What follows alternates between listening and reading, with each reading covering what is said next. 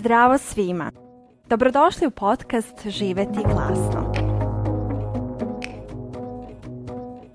Moje ime je Sofija Borković i sa svojim sagovornicima razgovaram o njenoj veličanstvenosti, kreativnosti. Šta je kreativnost i postoje li pravila o njoj? Gde naći inspiraciju kada nam se dese kreativne blokade i kako se povezati sa unutrašnjim vojstvom kada stvaramo? Teme su našeg podcasta. Produkcijom i audio izgledom podcasta bavi se Aleksandra Bučko iz Fabrike kreativnosti. Dobrodošli u epizodu u kojoj pričamo o ajurvedskom pristupu životu, koji nam pomaže da budemo protočniji i živimo u skladu sa aktualnim vremenom i dešavanjima, te godišnjim dobima i promenama.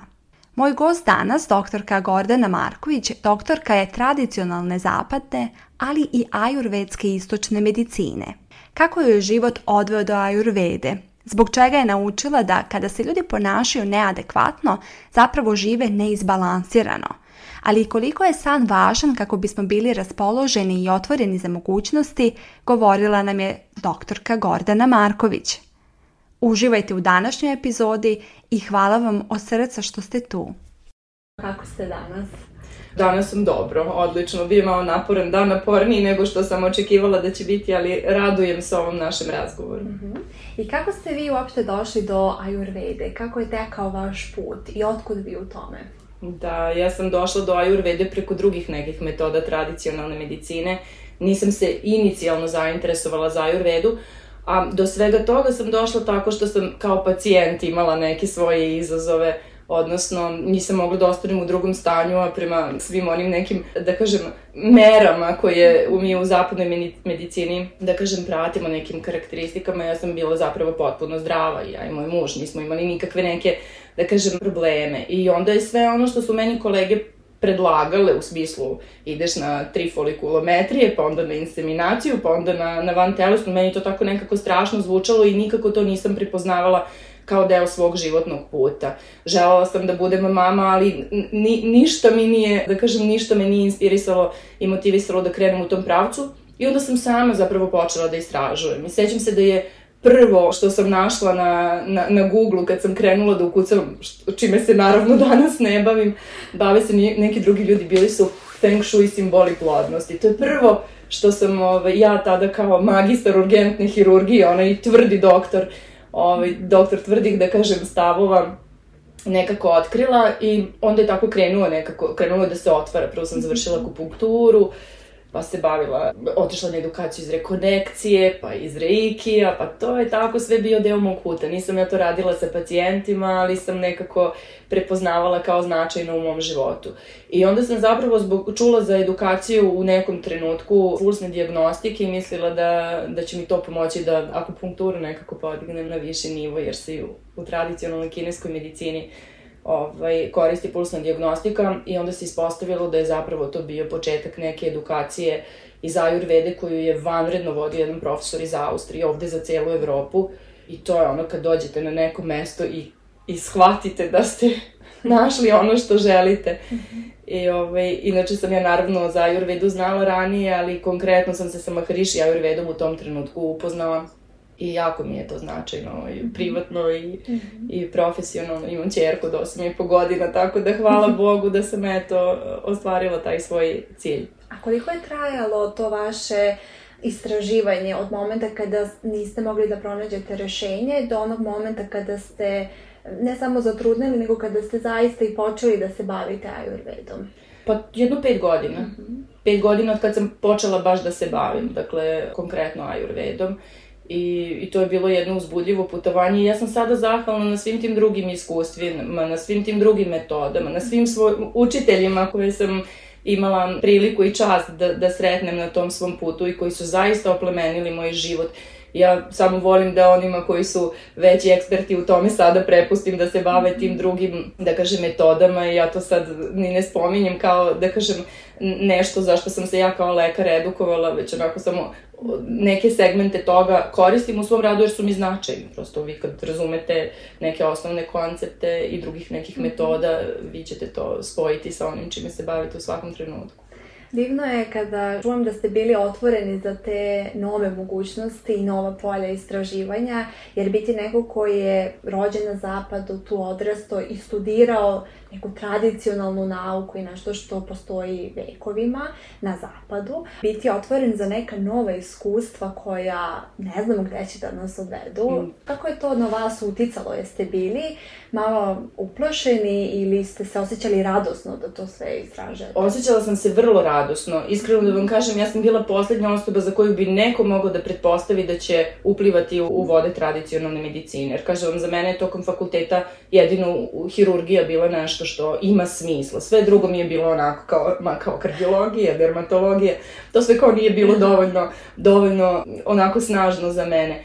Ali eto, mrvicu po mrvicu, kažem, tražeći ta neka rešenja za sebe, tada sam, kažem, već završila bila svoje postdiplomske, nisam bila na nisam započela bila specijalizaciju, to su iz te strane bila neka izazovna vremena za nas lekare.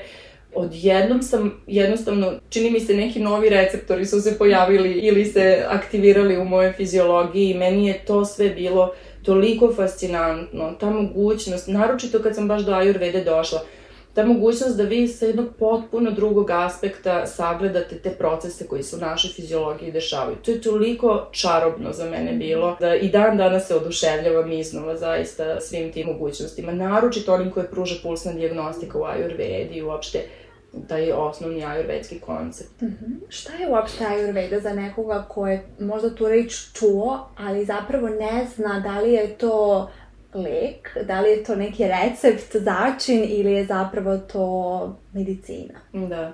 Ayurveda baš u bukvalnom e, smislu znači nauka o životu i to je indijska medicina, drevna indijska medicina.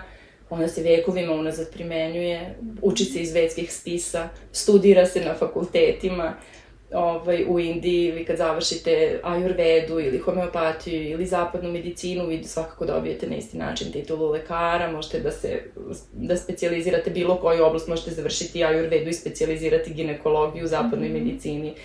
I ovi, dakle, to je ozbiljna medicina, to nije tamo neki alternativni pravac koji, u koji ćemo da verujemo ili nećemo da verujemo. Tako da, I eto, pre svega nešto što nam je iz Indije došlo, ali što je, zahvaljujući upravo tim jednostavnim principima, primenjivo u svakom trenutku i na svakom prostoru. Dakle, mi na vrlo jednostavan način možemo prilagoditi naš dnevni ritam, naše ponašanje, sve ono što nas okružuje, čime se bavimo prirodi i njenim ciklusima i na taj način zapravo izvući onako maksimum za sebe.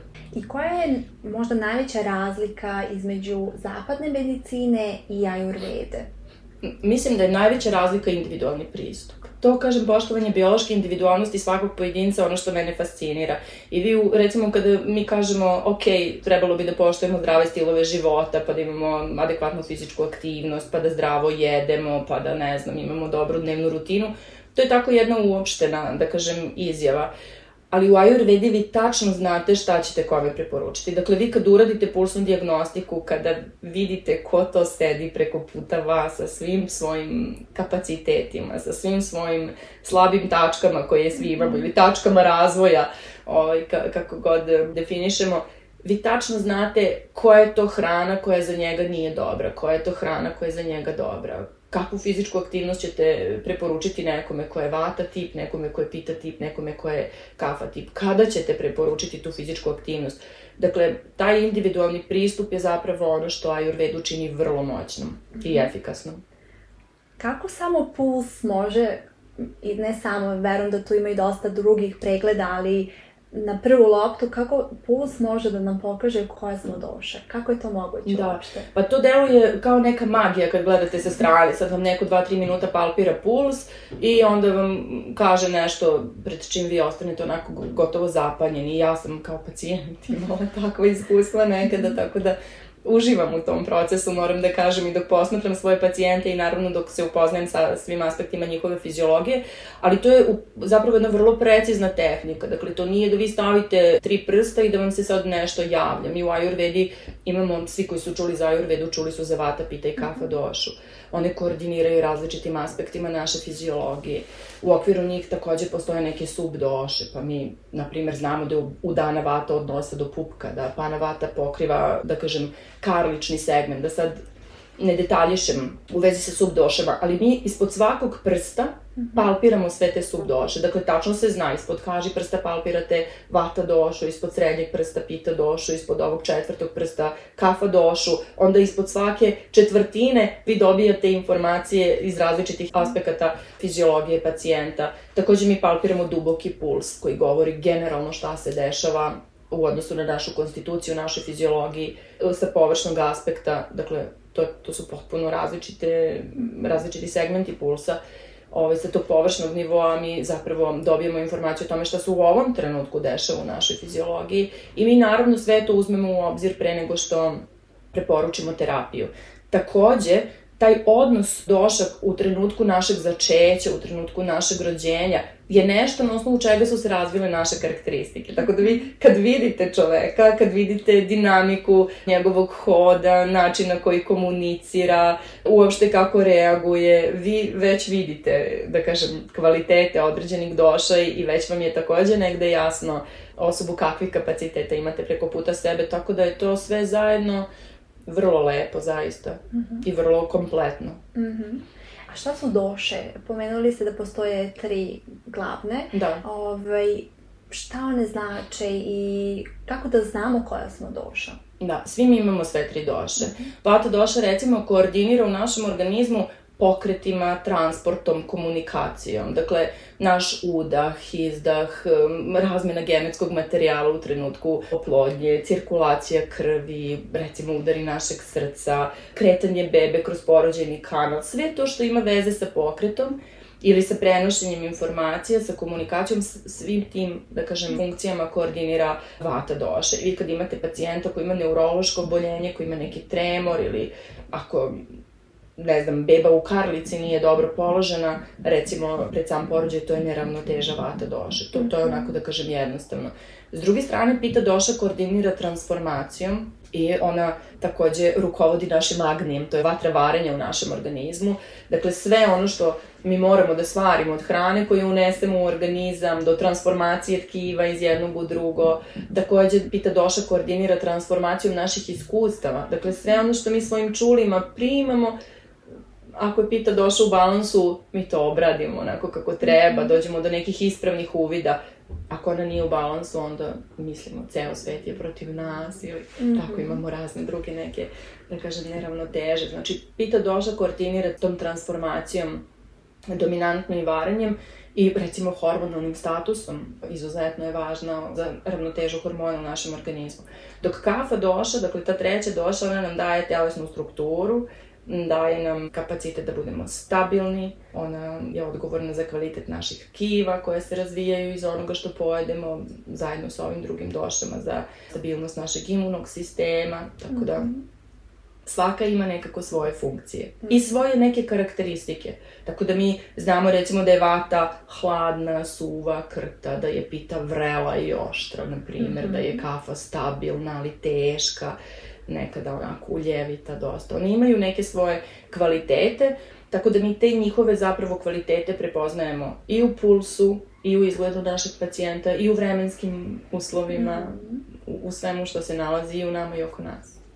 Da, znači ne možemo raditi samo test na internetu, pošto ima dosta testova da, da mhm. vidimo koje smo doše, već bi trebalo da posetimo lekara koji se razume u ajurvedu kako bi mogao da nam ispipa puls i uradi sve druge da. nalaze. Da. To bi bilo idealno, mm -hmm. naravno. Ti testovi koji su dostupni, oni mogu da nam daju neku, da kažem, mm -hmm. smernicu, ali moram da kažem da ljudi veoma često pogrešno zaključe. Mm -hmm. Ne samo na osnovu testa, nego nije stvar samo u tome da ćete vi da zbrojite nešto pa ćete imati jednu karakteristiku najizraženiju, jer vi imate testove koji govore o tome kakva vam je konstitucija, pa testove koji govore o tome, dakle, kakav je prakriti, pa kakav je vikriti, kakvi su ti različiti, da kažem, aspekti u našoj fiziologiji, kakav je odnos došao u njima I ako sad tu stavite fokus na pogrešnu stvar, onda možete doneti pogrešan zaključak, tako da... Eto. Uh -huh. Bolje je uvek uraditi pregled. Uh mhm. -huh. Pošto je ovaj kanal najviše posvećen kreativnosti i umetnosti, ali i uopšte razvoju i hobijima i radosti koju nam oni pružaju, mene zanima kako mi možemo da budemo protočni za život, otvoreni i samim tim da poboljšamo svoje stvaralaštvo upravo primenom ajurvede. Mm.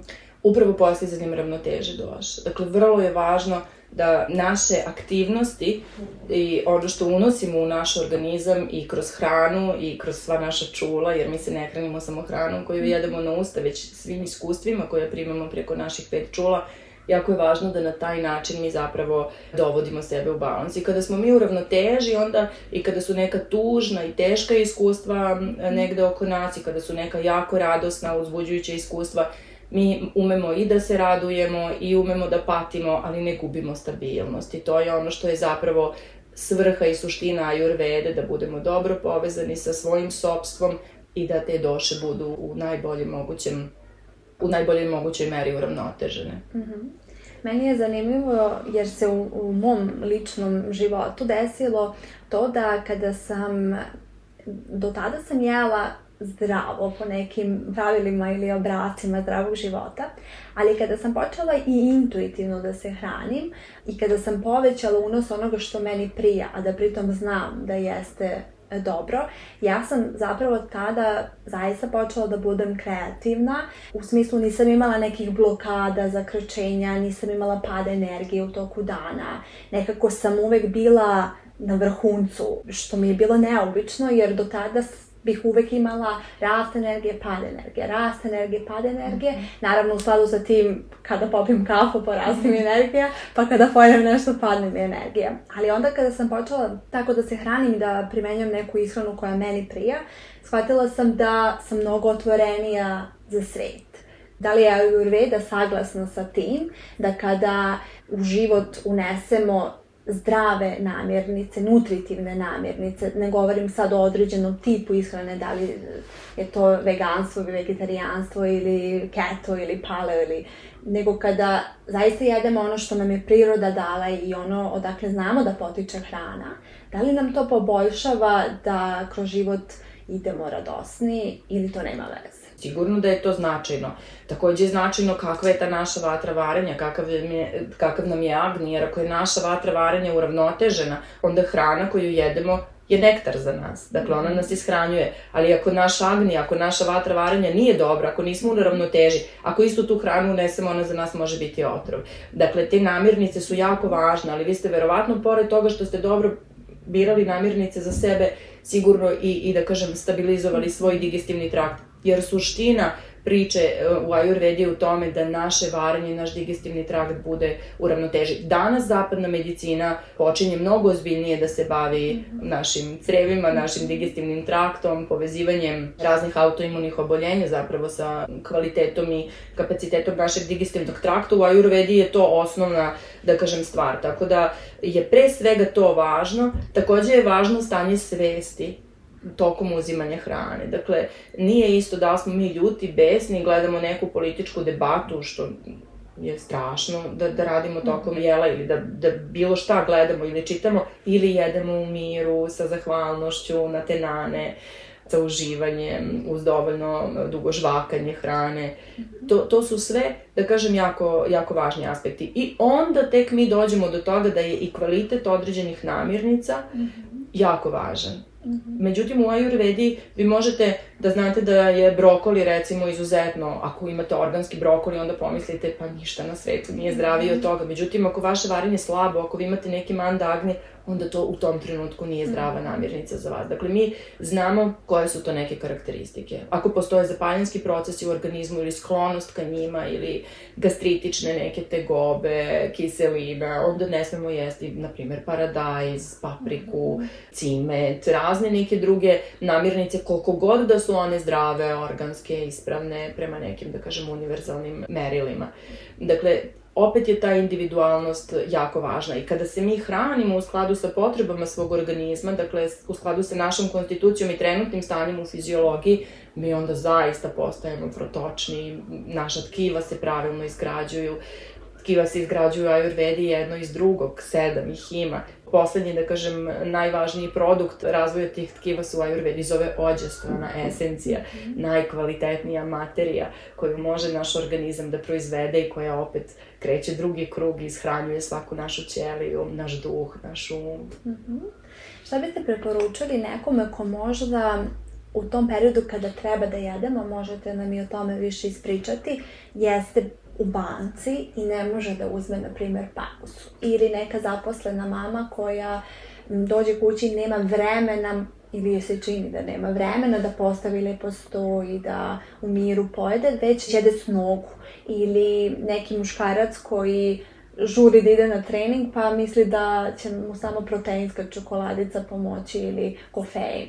Kako da se prilagodimo životu, ali i da polako uvodimo te navike koje nam na duže staze sigurno olakšavaju nego, više nego što nam otežavaju život. Da, ja razumem da to ljudima nije lako, ali mislim da je prvi korak u tome da zapravo shvatimo i razumemo koliko je ta ishrana važna. Mhm. Dakle, sve drugo neće biti dovoljno značajno u našem organizmu ako smo mi na uštrb pravilne ishrane ili tih nekih, da kažem, ili načina na koji jedemo uradili nešto drugo. Tako da je prvo, znači, što nam je glavna inspiracija da razumemo da je to prvi i najvažniji korak. Radimo najbolje što možemo. Ayurveda preporučuje da imamo tri obroka dnevno. Ja kada bih mogla jednu preporuku iz ishrane da izdvojim kao najvažniju, to bi bilo da vam ručak bude između 12 i 1. Dakle, glavni obrok u toku dana je potrebno da bude onda kad je sunce u zenitu, kad je naš kapacitet za varanje hrane zapravo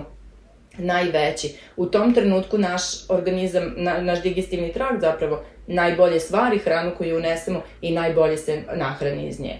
Takođe, kod vata i pita tipova mi obavezno preporučujemo lagani doručak i laganu večeru, dakle doručak recimo oko 7-8 do 9 i večeru do 6, nikako posle 7 i to je onda neki, da kažem, uobičajeni ritam. Samo kod kafa tipova možemo preporučiti recimo preskakanje doručka i oni često i sami imaju ovaj, potrebu da to, oni su onako stamenije građe, ovaj, tako da oni često imaju tu, da kažem, potrebu da preskoče doručak.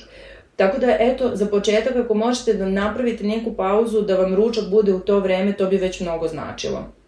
Druga stvar, potrebno je da se pripremite. Ako hoćete pravilno da se hranite, to vam pričam iz profesionalnog i ličnog iskustva, morate dobru strategiju da napravite. Ja sam sebi olakšala koliko god sam mogla i zaista se trudim da kada su ishrana i rutina u pitanju ne pravim kompromise ili mogu da kažem da ih jako, jako redko pravim, pa to onda i nema neki previše uh, da kažem, ne opterećuje me, ne opterećuje moju fiziologiju previše. Ali imam soup maker koji spremi potaž od razlog mhm. voća za 23 minuta, pa ujutru kad ustanem dok budim dete, dok perem zube, povrće ranije spremim, taj soup maker se skuva, stavite malo sočiva, malo pirinča, pa makar neku čorbicu sa, ovaj, sa mahunarkama i žitaricama možete spremiti, da kažem, ovaj, za sebe. Takođe postoje razni neki termosi koji su danas dostupni kod nas. Ja sam ih ranije uvek kad odem u inostranstvo prvo tražim neku prodavnicu gde mogu da kupim dobar termos za hranu. Sada je to stvarno dostupno i ovde kod nas, vrlo praktično. Ja kad sebi ujutru spremim obrok, kad ga otvorim u oko 12 pola 1 moram da sačekam da se ohladi. Dakle, oni stvarno dobro nekako drže temperaturu, tako da je važno da ako zaista hoćete da napravite neku promenu, da prvo osmislite šta ćete da jedete, a onda da se lepo pripremite za to. I kad uđete u taj ritam, onda to stvarno nije teško.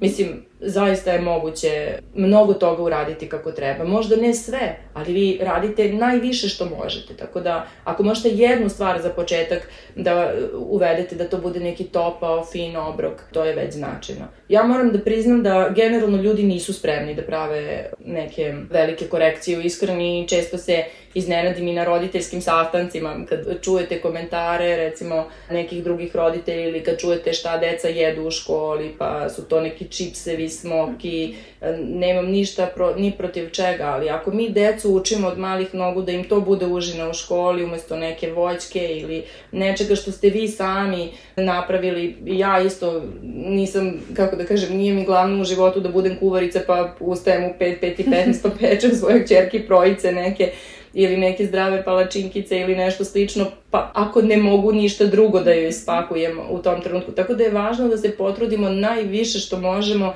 i za sebe, ali i da svoju decu vaspitavamo od malih nogu, da znaju da cene tu kvalitetnu ishranu i da ne pribegavaju tome da, da jedu bilo šta.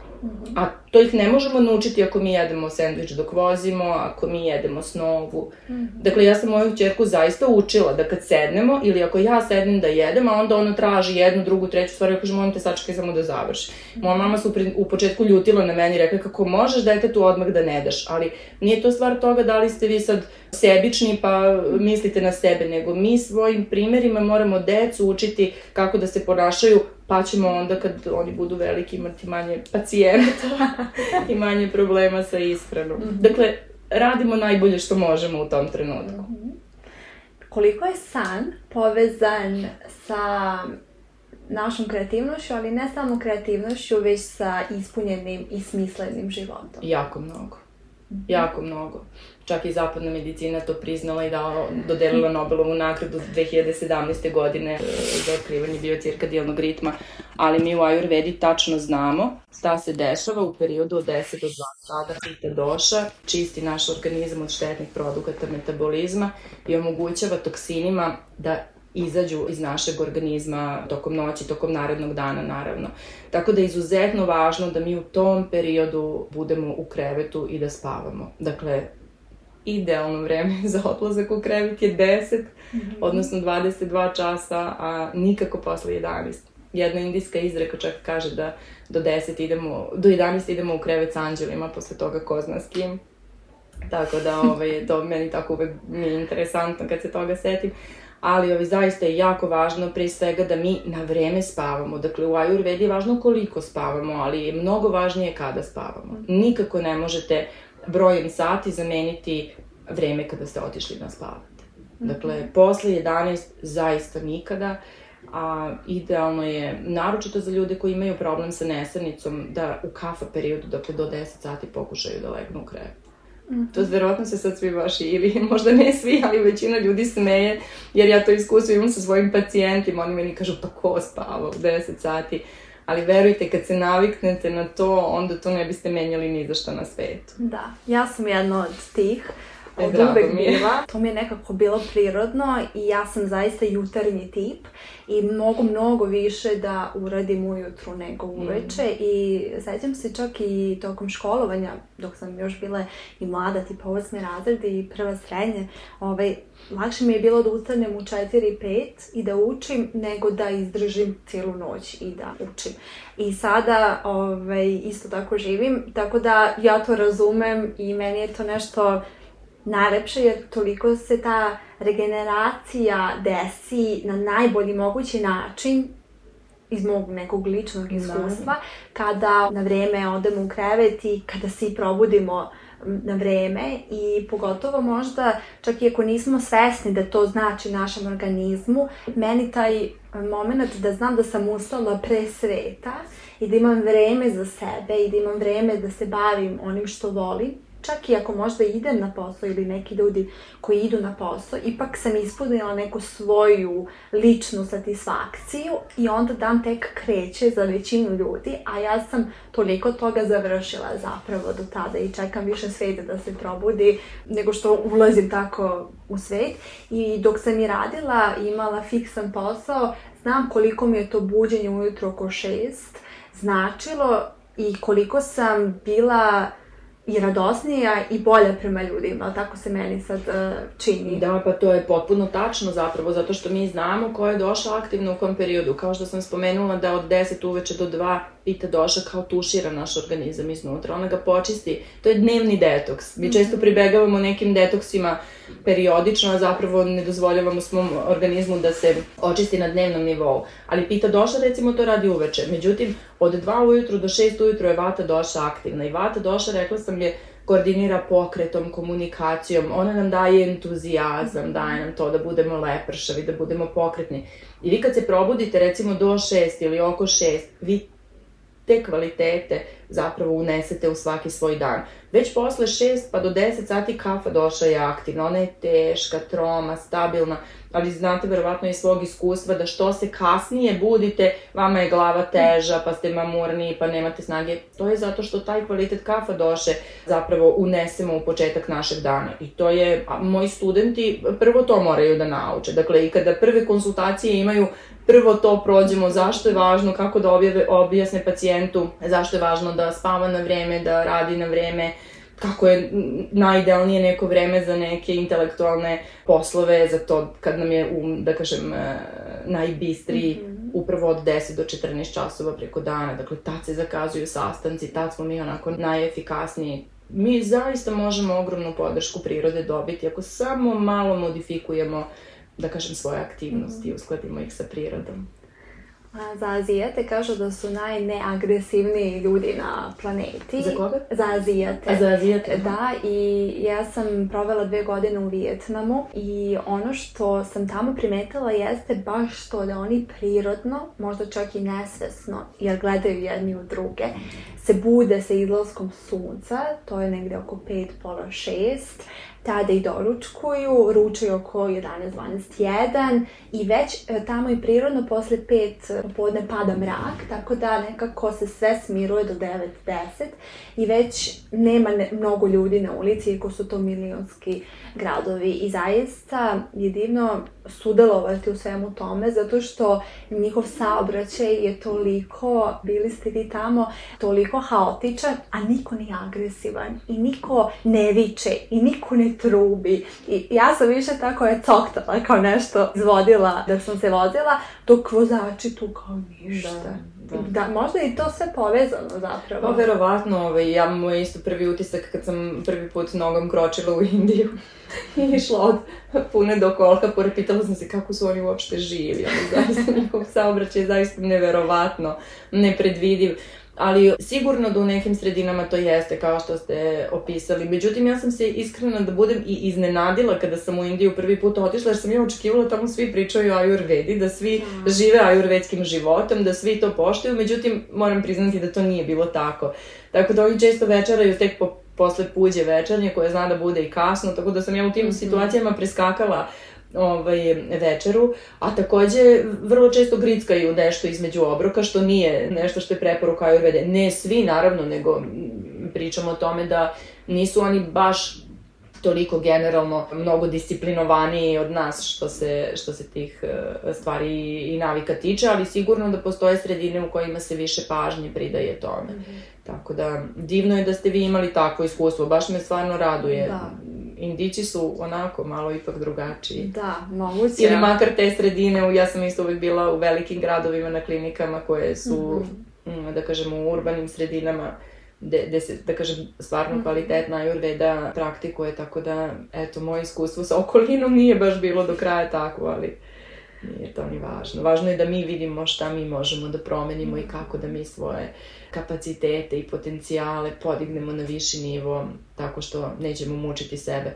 Znate, meni ljudi često kažu kad im ja objasnim ovo sve, onda mi kažu pa dobro, ali kao tek to neko vreme posle 10 uveče kad sam decu smestila u krevet, pa kad, ne znam, sam oprala sudove, stavila sve u mašinu i ostalo, to mi je tek tad neko vreme koje imam mm -hmm. za mhm. sebe i tad dobijem inspiraciju. Tačno je da se u tom trenutku od 10 sati probudi inspiracija, jer pita je energija, pita je mhm. transformacija. -hmm Tako da vi možete dobiti taj neki, naročito umetnici, neki kreativni naboj baš u tom periodu, ali je važno da budemo svesni toga da taj kreativni naboj mi tada imamo na uštrb našeg zdravlja. Zaista, mm. kumulativni efekat nespavanja dođe kad tad na naplatu. Me, meni je žao što to moram da kažem jer ja sam optimistična vrlo i uvek mislim pozitivno, ali ako ne brinemo o sebi u napred, ako ne damo svom organizmu dovoljno prilike da se odmori, onda, kako da kažem, ne može nam ne može organizam večito zadržavati balans. Neki ljudi imaju snažniju konstituciju pa duže izdrže. Mm -hmm. Isto tako nije isto kad smo mladi i kad nas, da kažem, stignu neke ozbiljnije godine, ali, ovaj, ali je važno da brinemo o sebi u svakom trenutku i da to radimo preventivno, da to radimo pre nego što se neka neravnoteža razvije. Jer znate, u Ayurvedi mi tek kad do, mi imamo šest nivoa razvoja bolesti, tako to Ayurveda, da kažem, razume I tek peti nivo razvoja bolesti je ono što u zapadnoj medicini zovemo akutna bolest. A šesti nivo, inače na sanskritu se kaže beda, to nam je hronična bolest. Zaista, da kažem, nije lako za tretiranje. A ovih, e, ova četiri nivoa pre toga su neravnoteže. Dakle, to su neravnoteže doša. I to je prilika da pre nego što se bolest razvije, kada mi pulsnom diagnostikom prepoznamo tu neravnotežu, primenimo mere koje će vratiti proces unazad, odnosno koje će regenerisati naš organizam i koje će sprečiti do toga da se taj četvrti stadijum razvije u peti ili u šesti i da onda moramo da se bavimo lečenjem. Dakle, mi možemo da preveniramo nastanak oboljenja time što neravnoteže vraćamo u balans, a to je između ostalog kroz pravilnu rutinu, kroz prevenciju. Uh mhm. -huh. I pomenuli ste da ajurveda nije samo hrana koju jedemo, već i način na koji jedemo i čime smo okruženi. Kako i ono što radimo i živimo i pričamo i doživljavamo može da utiče na naš imunni sistem. Kako to može da ga podigne, a kako možda može da ga oslabi. Da. Ako vi izlažete vaša čula nekim horror filmovima, nekim eh, političkim debatama, nekoj crnoj hronici konstantno, vi ćete naravno osjećati, imati neprijatan osjećaj u čitavoj svojoj fiziologiji. To će sigurno negativno uticati na naš organizam.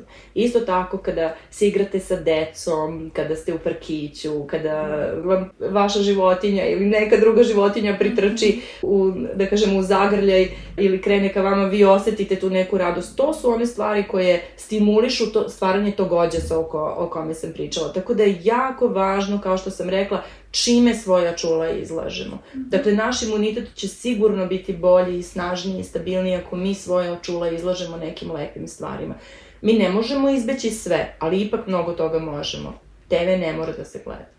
Meni ništa ne fali. Ja sam danas čula za, posle nekoliko dana za neku nesreću koja se desila u nekoj perionici, stvarno, gde ja inače perem auto, nisam ni znala. Moje kolege na poslu mi često ni ne pričaju, onda kažu, ba to nije za tebe, nemoj to da čitaš i nemoj to da gledaš. Jer ja svesno biram da se nekim neprijatnim situacijama, ako ne moram, ne dolazim u kontakt, jer me naravno, da kažem, pogode ili potresu. Ali ne možemo mi to naravno uvek izbeći, niti treba da živimo, da kažem, potpuno zatvoreni. Ali ipak neke stvari možemo izbeći.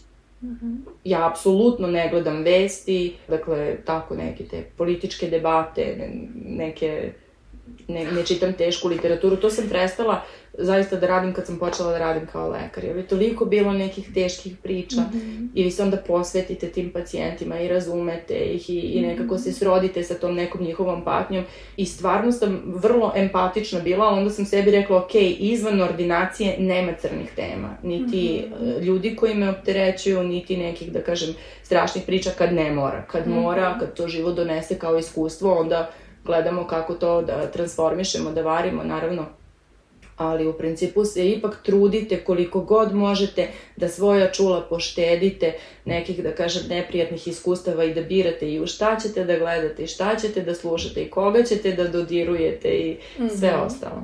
Mnogo mi je slatko što ste pomenuli političke debate i vidi se da na to sam niste... specijalno alergično, skoro pa kao na cigarete. vidi se da dugo ovaj, i ne pratite političku scenu zato što se debate sada skoro i ne dešavaju, to Aha. je ovaj, jedno umlje i, i samo iznošenje mišljenja bilo koje strane. Tako da debate su zapravo ostale u onom vašem pre da, da. životu. ovaj, zanima me kako vi, upravo ste rekli da se trudite da svesno birate ono što, što želite da konzumirate. Kako vi zapravo u svom životu unosite dodatno radost, i ako se i svesno okrenete kod, ka određenim stvarima koje vas čine srećnim, koje su to stvari, da li biste podelili sa nama, a da naravno to nije samo vaš posao ili porodica, da li vi imate neke da. stvari koje praktikujete? Pa, mislim, ja praktikujem razne neke stvari, ali ja pre, pre svega stvarno ne mogu da zaobiđem posao i porodicu, koliko mhm. god, da, mislim, prvo meni, ja imam posao koji je u državnoj ustanovi u zapadnoj medicini, to neću sad računati i komentarisati, ali ako pričamo o ajurvedi, ja o tome za zaista ne mogu da pričam kao o poslu. Ja da kažem, docent u, u Sloveniji na fakultetu i tamo vodim prvi postdiplomski program za zdravstvene radnike u Evropi i tu stvarno mnogo obaveza imam. Imam fantastične studente iz cijelog mhm. sveta, iz Malezije, iz Libana, iz cijelog sveta zaista. To su fantastične grupe i prošle godine i ove godine fantastična grupa verujte mi, ja kad, se, kad znam da će Webivar biti sutra ili preko sutra, ja se osjećam kod idem na žurku. Mm -hmm. I isto u blokovima im to držim u Mariboru, tako da smo po 10 dana zajedno od jutra do mraka. Za mene je to čista radost, mm -hmm. zaista. I ne mogu da kažem, ne mogu to da stavim sa strane i da kažem da to nije nešto što ishranjuje moju fiziologiju, jer je jako ishranjuje. Naravno, vreme koje provedem sa svojim detetom, sa svojim sestrićem kog takođe obožavam, sa svojom sestrom koja mi je najbolji, najveći prijatelj, mislim, kog sam ikad imala mamom, zetom, znači svi ti ljudi koji su vama, da kažem, bliski, ako negujete te odnose sa njima i ako su ti odnosi ishranjujući, onda je to nešto što ne možemo staviti sa strane i reći ok, sve osim toga, to je važan i značajan segment mog života i ta podrška i ta energija koju crpite i, i ja konkretno iz ove priče o bavljenju majur, time što se bavim majur vedom i iz tih porodičnih odnosa, za mene je to jako, jako značajno. Naravno, sticanje novih znanja, proširivanje vidika, nove neke tehnike, nove mhm. neke informacije, divne neke rečenice, pa nekad pročitate znate i sami celu knjigu, pa jedna rečenica vas mhm. onako ozari i nosite je narednih godina, tako da razne su to neke, da kažem, stvari, ali sve se nekako zapravo vrti oko, oko toga da mi zapravo samo potvrđuje koliko je to ajurvedsko znanje lepo i moćno. Naravno, vera u Boga, taj segment takođe je jako važan. Rekla bih da, da je vaš stvaralački opus Ayurveda zapravo i um, ja verujem da kreativnost nije nužno samo umetnost u onom nekom klasičnom smislu mm. na koji smo navikli. Verujem da je kreativnost naš život koji živimo i koji produciramo kada ga svesno biramo i kada pravimo svesne um, izbore u životu, tako da se meni čini da ste vi kreativni na taj neki ovaj, um, način. Da. I divno je, divno je zapravo videti uvek ljude koji su zaljubljeni u ono što, što istražuju i što čini da drugim ljudima ovaj, pomaže i da im koristi. Da, ali Ayurveda, kao što sam rekla na početku, sama Ayurveda znači nauka o životu. Dakle, to nije samo medicina. Dakle, ja kada pričam o Ayurvedi, ne pričam samo o tome kako se Ayurvedom leči ulcerozni kolitis. Mm -hmm. Inače, uspud da kažemo, tretman je super, kao i za mnoge neke druge stvari, ali nije poenta u tome. Poenta je u tome da mi učimo kako da se povezujemo sa sobom, kako da ishranjujemo svoju fiziologiju sa svim tim nekim pozitivnim stvarima, kako da menjamo prosto način na koji razmišljamo, način na koji razumemo. Verujte mi, zahvaljujući Ayurvedi, ja sam zaista ljude počela da razumem i, i doživljavam na jedan drugačiji način. Moram priznati da je takođe moje razumevanje sveta oko mene pre ovakvog bavljenja Ayurvedom bilo drugačije, jer imam snažnu pitu u svojoj konstituciji, vrlo sam oštra, vrlo sam precizna po prirodi, konstitucionalno. Tako, vrlo precizno stečem, umela sam da budem jako kritična. Zahvaljujući Ayurvedi sam prosto shvatila uh, da nešto što neko možda ne uradi korektno ili ne uradi onako kako ja mislim jeli, da je najbolje, da je to često odraz neravnoteže koju ta osoba ima u svojoj fiziologiji. Isto tako sam prihvatila svoje nesavršenosti, jer kad imate jako pitu konstituciju, onda ste vi najgori inspektor sami sebi, on non stop nešto proveravate da li sam mogu bolje, pa da li sam ovo baš stavio na pravo mesto, pa da li sam uradio na adekvatan način.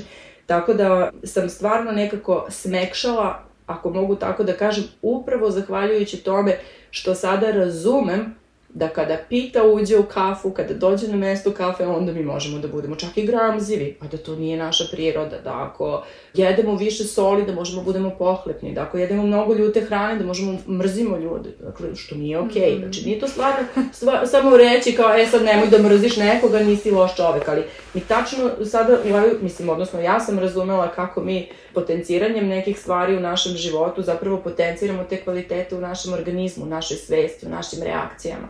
Tako da je za mene to jedno fantastično onako iskustvo i neprekidno istraživanje koje me uvek iznova inspiriše. Mm -hmm. Uskoro nam dolazi zima, trenutno i jesen, tako da svi osjećamo promenu godišnjeg doba. Šta bi trebalo svi da praktikujemo u narednom periodu, bez obzira na našu, ako je moguće tako generalno reći, došu, koje namirnice više da koristimo, koje manje, u kojim momentima, mm -hmm. Uh, jako je važno, osim ako nemamo sad neke ekstremne, da kažem, isključit ćemo te neke ekstremne situacije, jako je važno da sada kada, razumemo da kada je ovaj period između leta i zime, sad je nekako suvo i hladno vreme i onda je važno da se zagrejemo, dakle vata doša dominira, pa će posle toga kafa doša da dominira. Ovaj, I jako je važno da se ugrejemo, da se nauljimo dobro, dakle da naša ishrana bude topla kuvana hrana, da koristimo gi u ishrani, da koristimo maslinovo ulje u ishrani. Kokosovo ulje recimo sad nije, da kažem, toliko preporučljivo zato što ono ima rashlađujući efekt, pa nećemo da raskladimo dodatno naš organizam, nego možemo, eto, maslinovo ulje ili gi da gi, onaj prečišćeni maslac, izuzetno koristan i zdrav za oni koji nisu vegani, kojima je okej okay da, da to, da kažem, konzumiraju.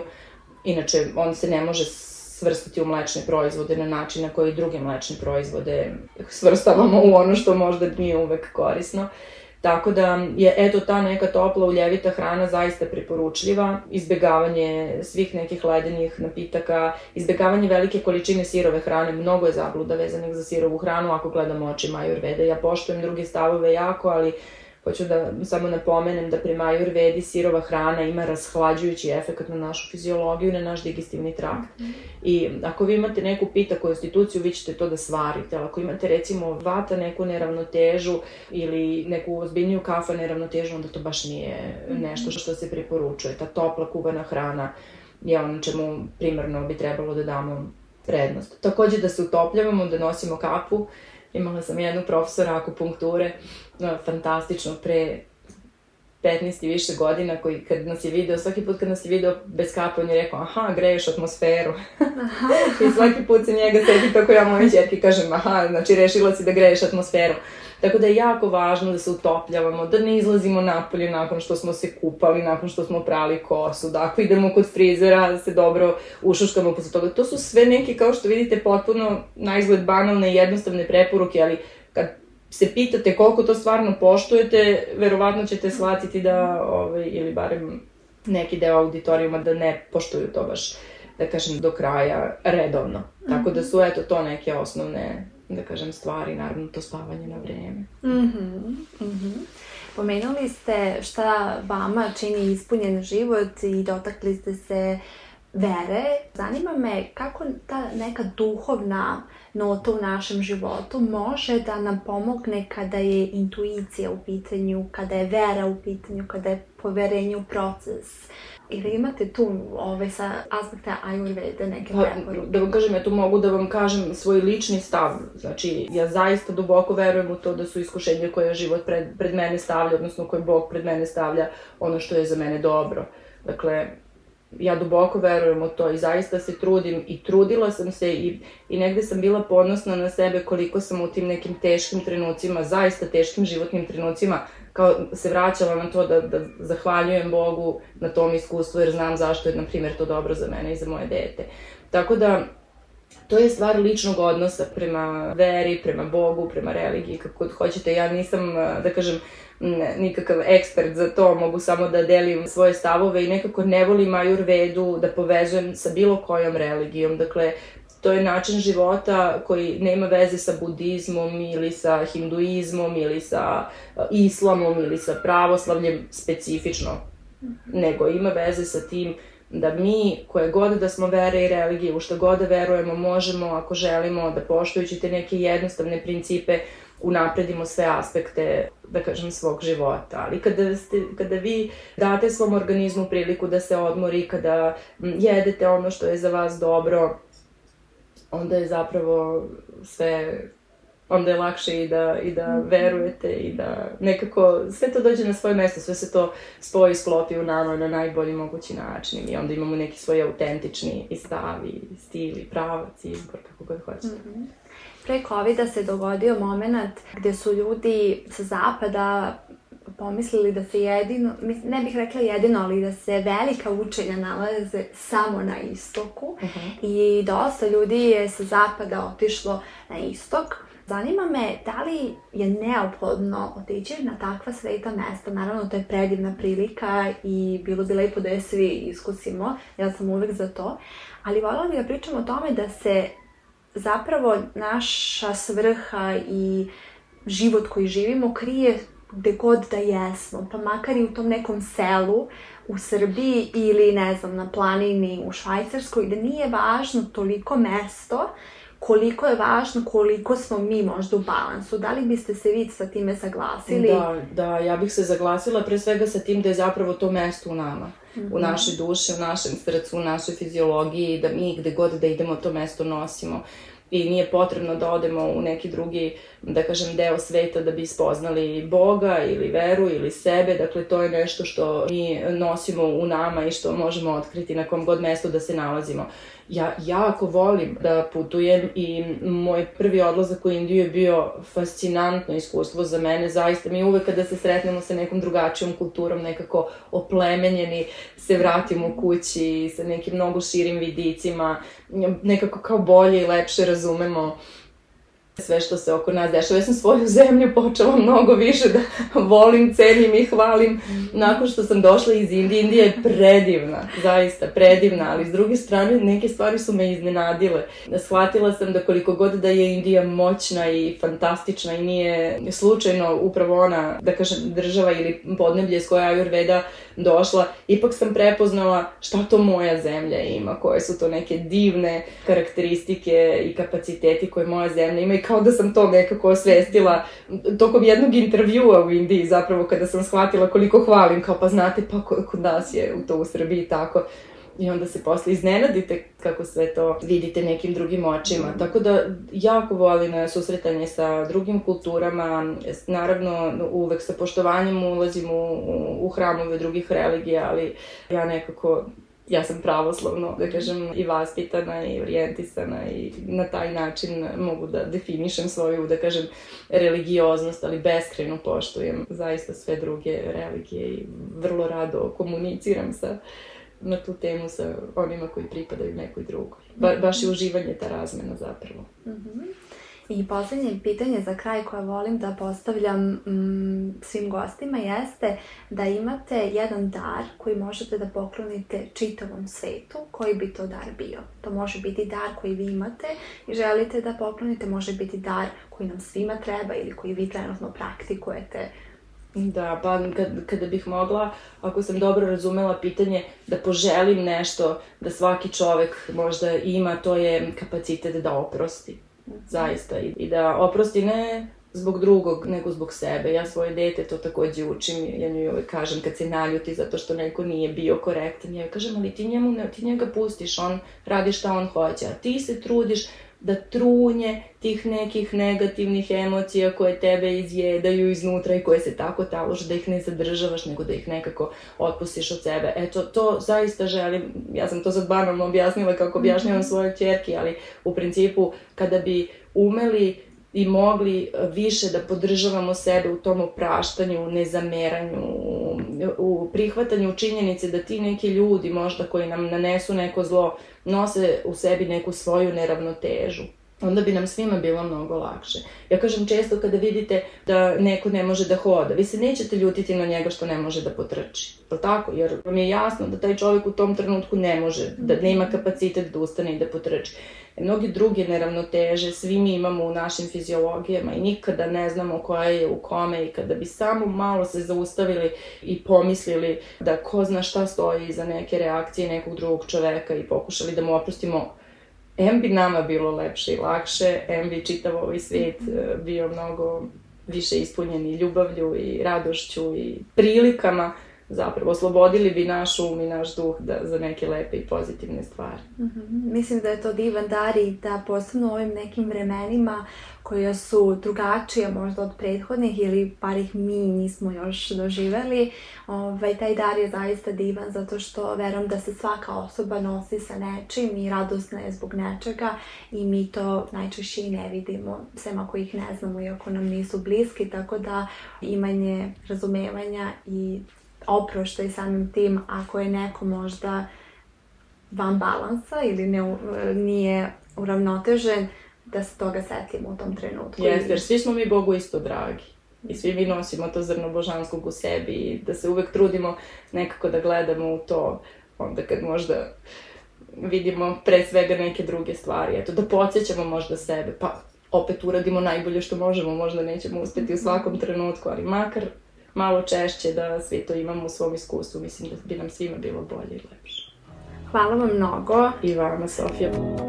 Hvala što ste poslušali ovu epizodu podcasta Živeti glasno. Nadamo se da ste za nijansu više ohrabreni, ispunjeni ili inspirisani. Do naredne epizode želim vam mnoga lepa i kreativna ostvarenja. Pozdrav!